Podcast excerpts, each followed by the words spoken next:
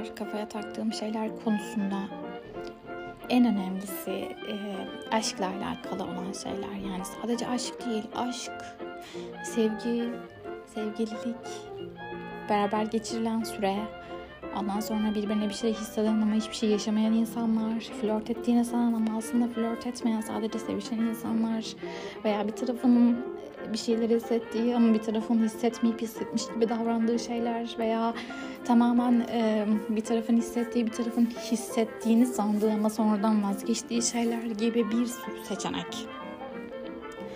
Yani aklınızın alamayacağı kadar seçenekler var bu durumda. Bunları düşünüyorum. Hep bunları yoğunlaşıyorum. Yani benim bu aralar kafaya yoğunlaştığım şeyler bunlar. Çünkü kendimle alakalı şeyleri yoğunlaşmak istemiyorum.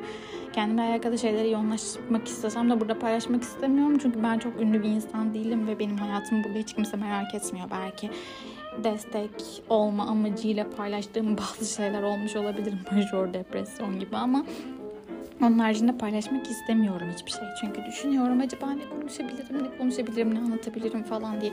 Bu arada hiç kimsenin dinlemesini falan da beklemiyorum. Yani böyle işte insanlar beni dinlesin, e, beni merak etsinler. Ondan sonra her hafta işte iki gün düzenli bir şey çıkartayım, podcast yapayım falan. O kafada bir birisi değilim ama kendime alakalı bir şeyler paylaşmak istemiyorum. Yani sonuçta burası benim kendi kendime paylaştığım bir kanal gibi bir şey oldu ama e, asla böyle kendimle alakalı bir şey paylaşmak istemiyorum. Yani kendi hayatımla alakalı paylaşsam neyse. Konumuz aşk, konumuz sevgi ve aşk ve sevginin gerçekten gerçekten ama gerçekten sayılamayacak kadar farklı kolları, yolları işte her neyse bu aralar bunları gerçekten çok düşünüyorum. Çünkü insanları çok fazla gözlemlemeye başladım. Aslında daha önceden de gözlemliyordum ama bilinçli olarak gözlemlemiyordum. Kesinlikle işte iki insan sevgiliyse ve o insanla aynı ortamdaysam e, ya şunu gözlemliyordum ilk başta. Ee, gerçekten birbirlerine benziyorlar mı? Çünkü mesela bazı insanlar sevgili oluyorlar ve gerçekten birbirlerine aşık olduklarını iddia ediyorlar ama mesela birisi atıyorum çok farklı bir boyut değil, çok farklı bir boyut. Ee, birisi ne bileyim sanat seven, enerjiyle ilgilenen, ondan sonra böyle mutlu, daha pozitif bir yanı olan, ondan sonra insanlara yardım etmeyi seven falan böyle olaylara iyi yönden bakmaya çalışan, saf duyguları olan bir insanken diğeri tam tersi daha böyle negatif, daha böyle insanları etkisi altına almaya çalışan, daha böyle manipülatif bir yanı olan işte e, çiftler görüyorum ve bu çiftleri gördüğüm zaman da bu çok uzun süredir olan bir şeyi böyle gözlemliyorum ama yorum yapmıyorum kesinlikle. Nasıl acaba diyorum bir araya geldi bu iki insan. Çünkü birbirinden çok bağımsız. Hiçbir ortak noktaları yok. Yani belki dinledikleri müzik bile ortak değil. Hiçbir şekilde ortak yanları yok ve bu insanlar nasıl birbirlerine karşı bir şey hissetmiş olabilirler ve bunun tek bir cevabı var seks e, tutku yani. Başka hiçbir anlamı yok. Gerçekten başka hiçbir anlamı yok. Çünkü aşk dediğimiz şey böyle bir şey değil ya. Yani böyle bir şey olması imkansız bence. Ben gideceğim benim tamamen alakasız zıttım olan bir insana aşık olacağım. Böyle tamamen işte negatif, ondan sonra kötü ruhlu, negatif enerji saçan, insanları yönetmeye çalışan, kontrol altına almaya çalışan, manipülatif falan filan. Ve ben bunu bildiğim halde o insana karşı bir şey seçeceğim. Bu çok anormal bir durum. Gerçekten çok anormal bir durum. Her ne kadar saf olup hiçbir şey fark etmeyen bir insan olsanız dahi bu gerçekten çok anormal bir durum. O yüzden de e, bu iki insanın bir araya gelmesinin en büyük nedeni tutku veya sekstir gerçekten. Başka hiçbir anlamı yok. Yani tamam cinsel bir uyum yakalamış olabilirler. Tensel uyum. Ee, ama bunun ardında veya böyle o tensel uyumu işte tutku, biz kavga ediyoruz, kavgalardan nasıl sevişiyoruz veya işte her ne kadar ilişkimiz iğrenç, toksik ilerlese de bizim bir seks hayatımız var o yüzden bu ilişkiyi bitiremeyiz tarzında bir tutku adını verdikleri yani tutku böyle bir şey değil aslında ama tutku adını verdikleri, heyecan adını verdikleri bir iğrenç bir ilişki. Ve bu e, ilişki olabilir. Gerçekten ilişki olabilir, devam edebilir, evlenilebilir, her şey olabilir. Ama bu aşk değildir.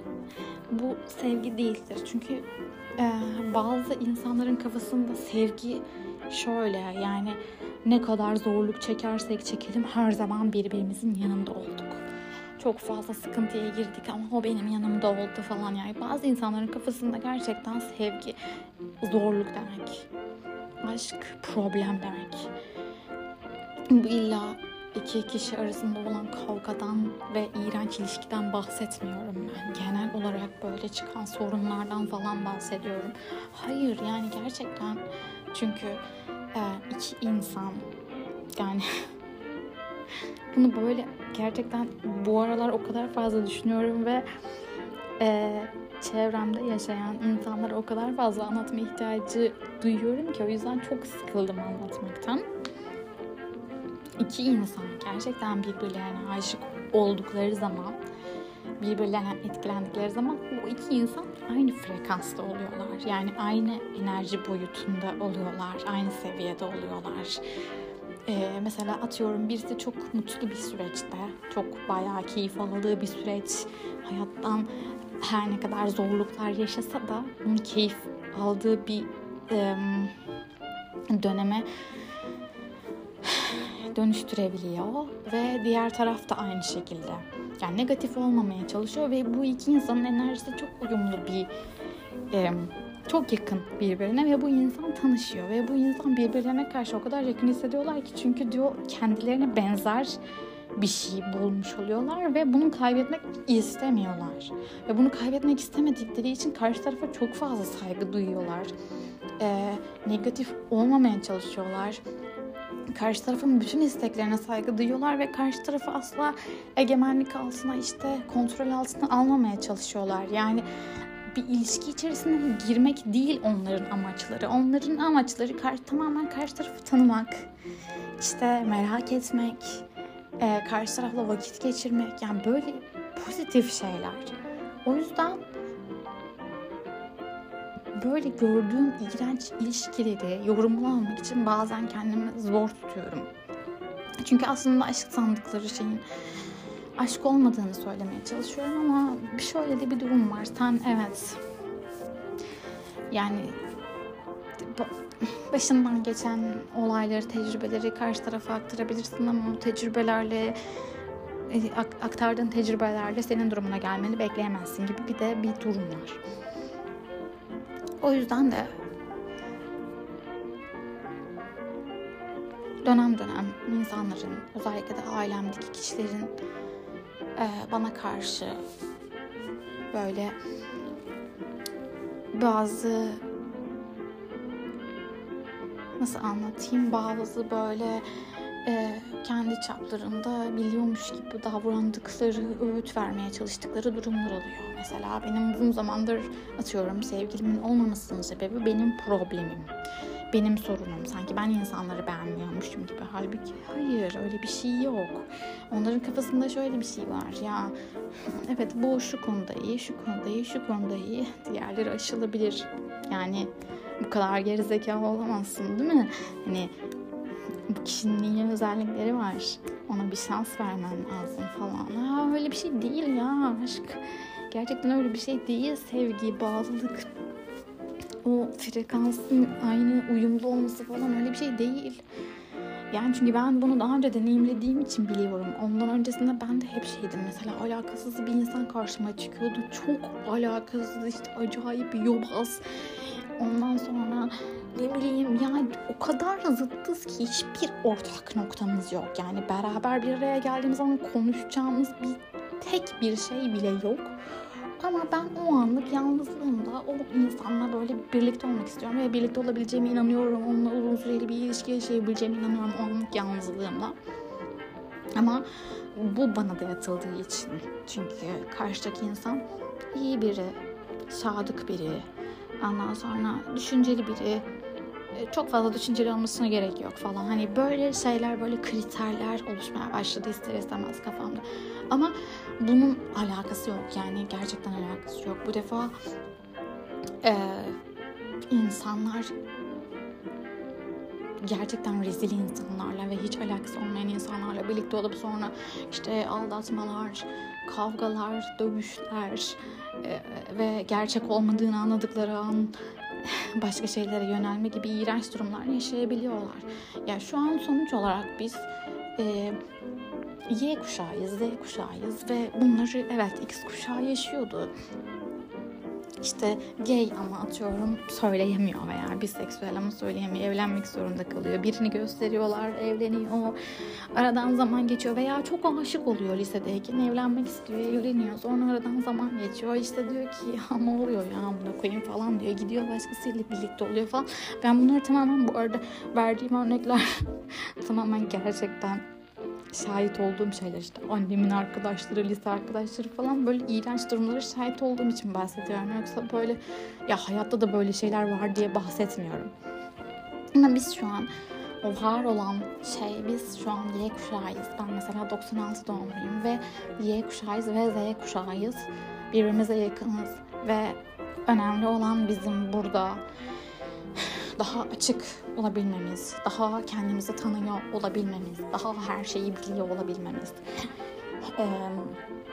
Burada da yine psikoloji bence devreye giriyor. Çünkü hiç ortak noktan olmayan bir insan gerçekten hiçbir şekilde bir şey paylaşabileceğin bir insan değil. Ama senin baba problemin var çocukluğundan işte psikolojik olarak ya bu illa baba olmasına da gerek yok bu arada. Çoğu insan bunu baba problemiyle ilişkilendiriyor. İşte çocukluğundan beri baba problemi var. O yüzden her gördüğü erkeğe aşık oluyor gibi bir durum. Böyle bir şey söz konusu ama bunun baba problemiyle de alakası yok. İşte anneyle de problem olabilir veya çocukken başka ailede birisiyle de problem olabilir. Ya yaşanması gereken şeyler bazı zamanlarda yaşanmamış ve bazı durumlar eksik olmuş olabilir. Bazı şeyler tuhaf olmuş olabilir bebeğin beyninde, psikolojisinde olması gereken şeyler ayırt edilememiş olabilir veya iki farklı konumda ayırt edilmiş olabilir. İşte mesela bende borderline kişilik bozukluğu var benim kafamda olan şey bir insan ya çok iyidir ya çok kötüdür ve o insan aynı anda hem iyi hem kötü olamaz. O yüzden de bir insanla tartıştığım zaman ve o insan en ufak bir kötü yanını gördüğüm zaman o insan benim gözümde rezalet, iğrenç, kötü biri. O insandan hemen uzaklaşıyorum, nefret ediyorum. Ama o insan minicik bir özür dilediğinde veya minicik bana bir iyi davrandığında o insan benim gözümde komple iyi bir insan olmuş olabiliyor. Ve bu tamamen çocukluğumuzda yaşadığımız, işte bebekliğimizde yaşadığımız bazı tuhaf olaylardan, bazı tuhaflıklardan kaynaklanıyor. O yüzden de bu bizim elimizde olan bir şey değil. Evet. Hayatımıza giren insanları e, bazen sevdiğimize göre veya aşık olduğumuzda bir şeyler hissettiğimize, yakın hissettiğimize göre değil de ihtiyacımız olan şeye göre seçmiş olabiliyoruz. Ama önemli olan bence bunun bilincinde olmak. Çünkü bunun bilincinde olmanın bence böyle fakirlikle, zenginlikle falan alakası olduğunu düşünmüyorum. Çünkü ben de bununla alakalı işte kitaplar okuyup ondan sonra bir sürü araştırmalar falan yapıp böyle insanları gözlemleyip falan bu yıllar alan bir süreç. Kendini tanıma ve insanları tanıma. Ama ben neden hayatımı mahvedeyim ki yani? Atıyorum işte ailemden sevgi görmemiş biriyim ki bu Türkiye'de yaşayan çoğu kadının, çoğu erkeğin e, başına gelen bir şey yani ailelerinden yeterince ilgi ve sevgi görmemek, desteklenmemek en önemlisi ilgi ve sevgi değil de yani çünkü bazen gereksiz yere desteklenmek olabiliyor ama bazen de yapabilecekleri e, şeyler doğrultusunda desteklenmemek olabiliyor. Yani asla arası yok ya çok abartılıp ya da hiç olmayan bir durum. Ama yani ben neden gidip de işte kendimi evet yalnız hissediyorum. Ailemden hiçbir destek görmemişim. Ondan sonra hiç kimsenin beni sevdiğini düşünmüyorum ama gidiyorum mesela bir işte maganda silahlı falan tamamen böyle beni sahiplendiği için bana iyi davrandığı için beni korumaya çalıştığı için ben ona aşık olduğumu düşünüyorum. Onunla birlikte olmak istediğimi düşünüyorum. Ee, her ne kadar bu durumda işte haber kanallarında, sosyal medyada, ondan sonra herhangi bir işte sosyal medya platformlarında böyle bu tarz durumlar olduğu zaman kadınlara karşı ya sen de niye öyle birisiyle birlikte oldun? Bak görmüyor musun? Silahlı fotoğrafı varmış falan denildiğinde bir linç konusu haline gelsene gelse de ben birazcık bunu destekliyorum. Çünkü e, ya şu bence şu durum bence e, eğitimsizlikten ondan sonra internetsizlikten yalnızlıktan işte ailenin bilmemesinden kaynaklanabilen bir durum olduğunu düşünmüyorum. Ben ben atıyorum tamam dağda bir yerde bir ailenin çocuğu olarak doğdum. Ondan sonra ve orada internet yok ve orada işte e, çok fazla insan yok.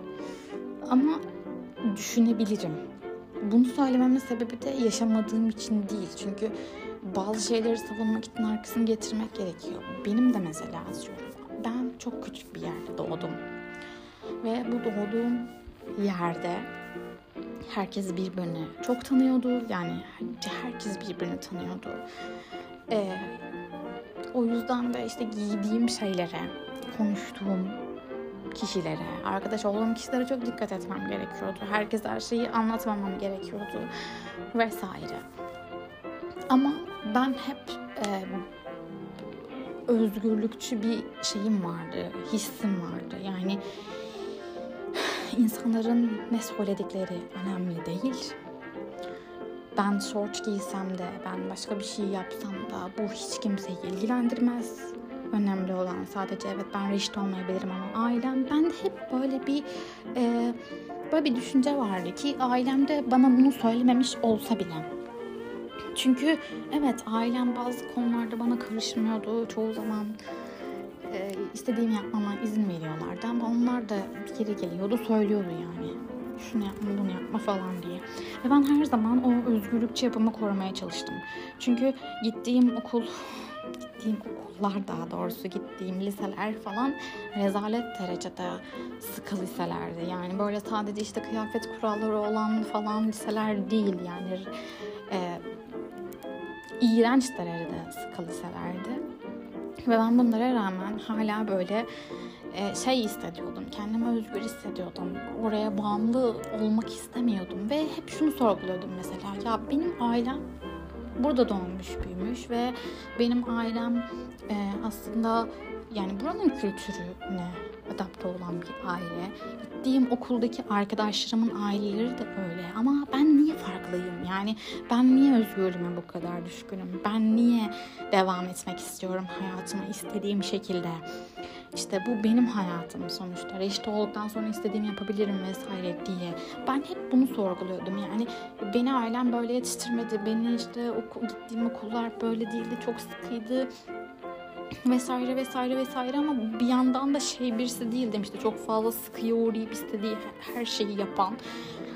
Ee, çok fazla sıkı gördükten sonra böyle bir anda ne yapacağını şaşıran bir insan da değildim. Tamamen her şey kontrolüm altındaydı. Ama hep şu düşünce vardı bende.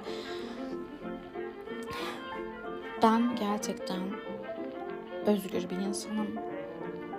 Ee, çünkü Türkiye'de yaşıyorum. Evet tamam Orta Doğu vesaire ama sonuçta Türkiye'de yaşıyorum. Ve o zamanlar 2010-2014 arası benim lise yıllarım arası güzeldi aslında yani Türkiye. Ve e, işte birinin gelip de alakasız bir şekilde bir öğretmenimin ben kaşlarımı aldırdım diye işte annemi arayıp böyle bunu problem yapması falan. O kadar iğrenç şeylerden bahsediyorum bu arada. bana hep böyle sorgulatıyordu. Ya ben özgür bir insanım. Yani sonuçta gidip iğrenç bir şey yapmıyorum abi. Sadece kaşımı aldırıyorum. Yani saçlarımın rengini tamamen falan değiştirmiyorum. Ben saçımı kaşımı aldırıyorum. Ondan sonra ya da ne bileyim dışarı çıkıp alışveriş yapıyorum. Hani bunlar aslında olabilen şeyler ve ben o yüzden her zaman e, özgürlüğümü savunabilecek şeyler doğrultusunda hareket etmeye çalıştım. Hiç kimsenin benim hayatıma karışmasını istemedim. Ee, maddi durum konusunda da o konuya gelecek olursak da evet bazı şeyler tamam iyi ama yine belli bir kısıtlaması var. Sonuçta sınırsız bir para harcama hakkım yok üniversitede veya lisede ama bu benim özgürlük anlayışımı hiçbir zaman değiştirmedi veya aileme karşı davranışlarımı hiçbir zaman değiştirmedi. Benim e, nasıl bir karakterde olduğumu her zaman liseye başladığımdan itibaren ben onlara yansıttım mesela. Ve şunu anlamıyorum yani e, ailem böyle bazı kalıplar içerisinde e, işte çevrem bazı kalıplar içerisinde hatta bazıları çok gerçekten iğrenç kalıplar içerisinde sığınmış insanlar ve ben bu durumdan nasıl kurtulabilirim diye düşünüyorum. Ve bir yandan da şunu düşünüyorum. Çevremdeki herkes böyleyken ben niye bu kadar açık görüşlü oldum? Yani sonuçta değişik bir şey yok. Aynı öğretmenler, aynı okul, benzer çevre, benzer insanlar, benzer arkadaşlıklar ve benim farkım ne? Yani çok fazla kitap okuyan bir insan değilim, çok fazla film izleyen bir insan değilim o dönemlerde. Çok fazla kendimi geliştirmeye çalışan bir insan değilim. Farkımız ne? Neden ben böyleyim? Ve neden ben böyle olduğum için kendimi savunurken ve insanlara bunu aşılamaya çalışırken e, ben haksız konumuna düşüp işte iğrenç bir insan profil çiziyorum insanlar karşısında. Yani özgürlüğümü savunmam, işte istediğimi yapmak istemem. istediğim gibi bir insan olmak istemem. Bu arada istediğim gibi bir insan olmak istemem demek işte çıplak dolaşmak istiyorum falan anlamına gelmiyor. Yani e, sadece insanların bana hiçbir konuda müdahale etmemesi demek bu. Çünkü o kadar en ufak bir konuda bile müdahale edilen ortamlarda okullara gitmek zorunda kaldım ki işte herkesin tek tip ayakkabı giydiği, kadınların tek tip saç, e, iki tip saç şekline sahip olduğu falan erkeklerle kızların konuştuğu zaman bile sevgili olarak algılandığı falan rezalet şeyler yani rezalet ortamlarda oldum ve benim isteğim sadece şeydi yani e, çok basit aslında. Giydiğim ayakkabıya hiç kimse karışmasın. Ben bir insanla konuşuyorsam o insan benim sevgilim olmak zorunda değil. Ee, ondan sonra benim karakterim benim ve beni olduğum gibi sevin. Ben, ben bir şeyleri yapmak zorunda kalmayayım. Ben bazı kalıplar içerisine girmek zorunda kalmayayım ya tamamen çok basit şeylerdi. Ve çok saçma geliyordu bana sadece benim böyle düşünmem. Çünkü bir yandan şey diyorum bu ortamda olduğum için böyle şeyler düşünüyorum diyorum. Bir yandan da etrafıma bakıyorum hiç kimse böyle bir şey düşünmüyor. Herkes aksine halinden memnun değil ama bazı şeylerin çıkış yollarını bulmuş. Bazı şeyleri gizli gizli yapıyorlar falan. O yüzden de ben bu tarz şeylerin biraz kişinin kendisiyle alakalı olduğunu düşünüyorum. İşte hep şey diyorlar ya bu sene yine bilmem ne birincisi yine do- doğudan çoban çocuğu çıktı falan filan. İşte nasıl çıkabilir imkansız. Dershaneye bile gitmemiş falan. Ben bu bunun tamamen doğuştan olduğunu düşünüyorum tamamen. Ee, yani çünkü aileyle de alakası yok bu durumun. Bilinçli alakası olduğunu düşünüyorum. Yani o bu salaklıkla değil bu arada işte zeki olmak veya salak olmakla alakalı da değil. Tamamen bilinç, bir şeylerin farkında olup o şeylere doğru devam edip sonra başka şeylerin farkında olmak, başka şeylerin farkında olmak ve bilincinin giderek başka konularda da yükselmesi olarak görüyorum ben bu durumu tamamen. O yüzden de asla hiç kimseyi önemli olduğu sürece yargılamamaya çalışıyorum. Argalıyorum evet ama yargılamamaya çalışıyorum yani. Herkese empati kurmaya çalışıyorum. Her neyse. Aşk, sevgi tamamen kendini tanımaktan geçiyor bence. Çünkü biz karşı tarafla alakalı ne hissediyorsak, ne düşünüyorsak aslında kendimizle alakalı bir şey düşünüyoruz. Çünkü tanıştığımız bir insanla gıcık kaldığımız bir şey ya ben mesela tanıştığımız bir insan çok sosyal ve çok aktif biri. Herke, girdiği ortamda herkes hemen etkileyebilen ve hemen konuşabilen biri. Ve yeni birisi bizim arkadaş ortamımıza giriyor. Herkesle konuşuyor, herkesle samimi oluyor falan filan ama biz çok içine kapanık bir insanız. Otomatik olarak bu durumlar rahatsız oluyoruz. Aslında orada rahatsız olduğumuz şey bizim içine kapanık olup öyle olmak isteyip ama aslında olamamamız. Bu psikolojik olarak kanıtlanmış bir durum. O yüzden de insanlar bir yansımadır. Ee, ve insanlar hakkında düşündüğümüz şeyler, rahatsız olduğumuz şeyler de kendimizde rahatsız olup itiraf edemediğimiz şeyler. Ee, hoşumuza giden, mutlu olduğumuz şeyler de kendimizde sevdiğimiz şeyler.